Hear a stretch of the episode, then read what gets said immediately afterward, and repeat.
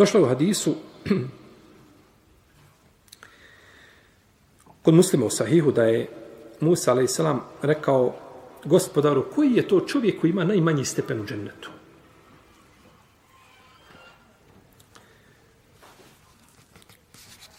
Pa je rekao, kaže, to je čovjek koji će ući u džennet, koji će ući u džennet, pa će mu reći gospodar,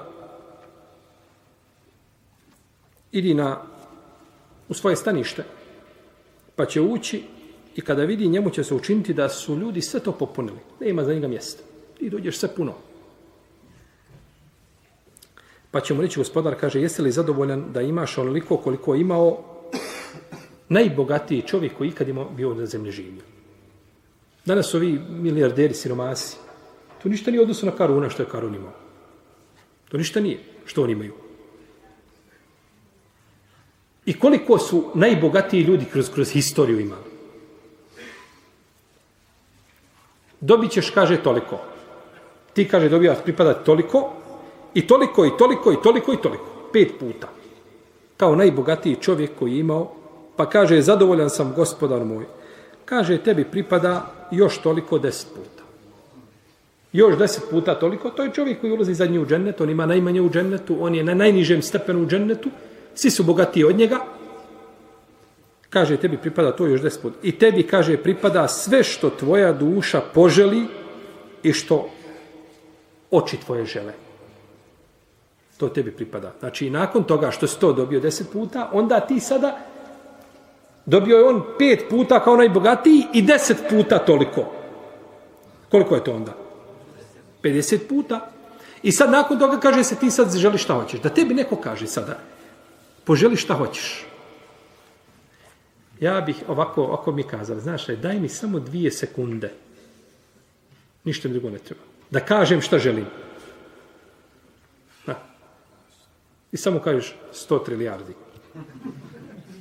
Ti si riješio tako, i tvoje ono tamo unuče 100 to u generaciji, sve s probleme riješio, da tako, Jer ovi zajedno ni Microsoft, ni eh, Apple, ni sve, nemaju toliko para.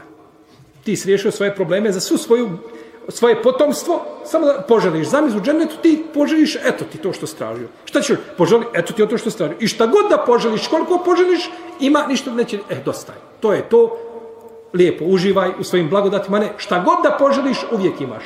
To je čovjek koji ima najniži stepen u džennetu. I zamisli onda čovjeka koji prokocka svoj džennet zbog ovih ovdje dunjalučkih 60 godina koje živi. I to od ti 60 godina 15 se ne broji do punoljetstva. Ostalo ti 45.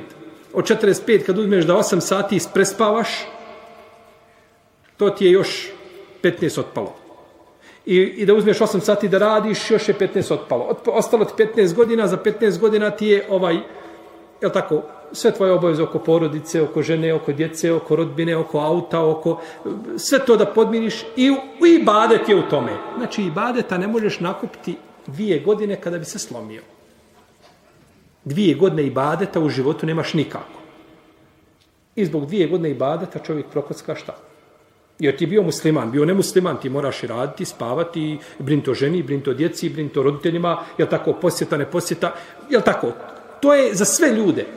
Samo se razlikuješ od onoga u svome ibadetu, u svome vjerovanju koje nije teško u srcu ni malo čovjeku.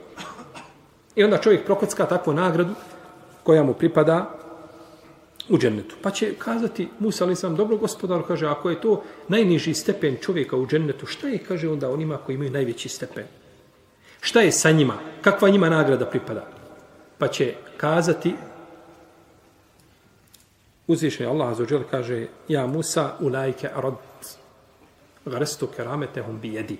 Kaže Musa to su moji odabrani robovi. Kaže ja sam njima svoju blagodat svojom rukom zasadio. Jer uzvišenje Allah stvara sve sa budi ono biva.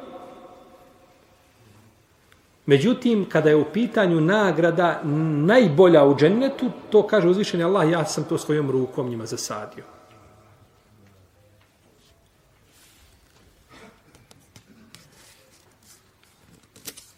Kaže i pripremio sam ono što oko nije vidjelo, ni uho čulo, niti može pasti na razum čovjeku. Potom je proučio ravija fela ta'lemu nefsum فلا تعلم نفس ما أخفي لهم من قرة أعين جزاء بما كانوا يعملون I nijedna duša ne zna šta im je pripremljeno od nagrada zbog onoga što su činili. Zbog onoga što su činili.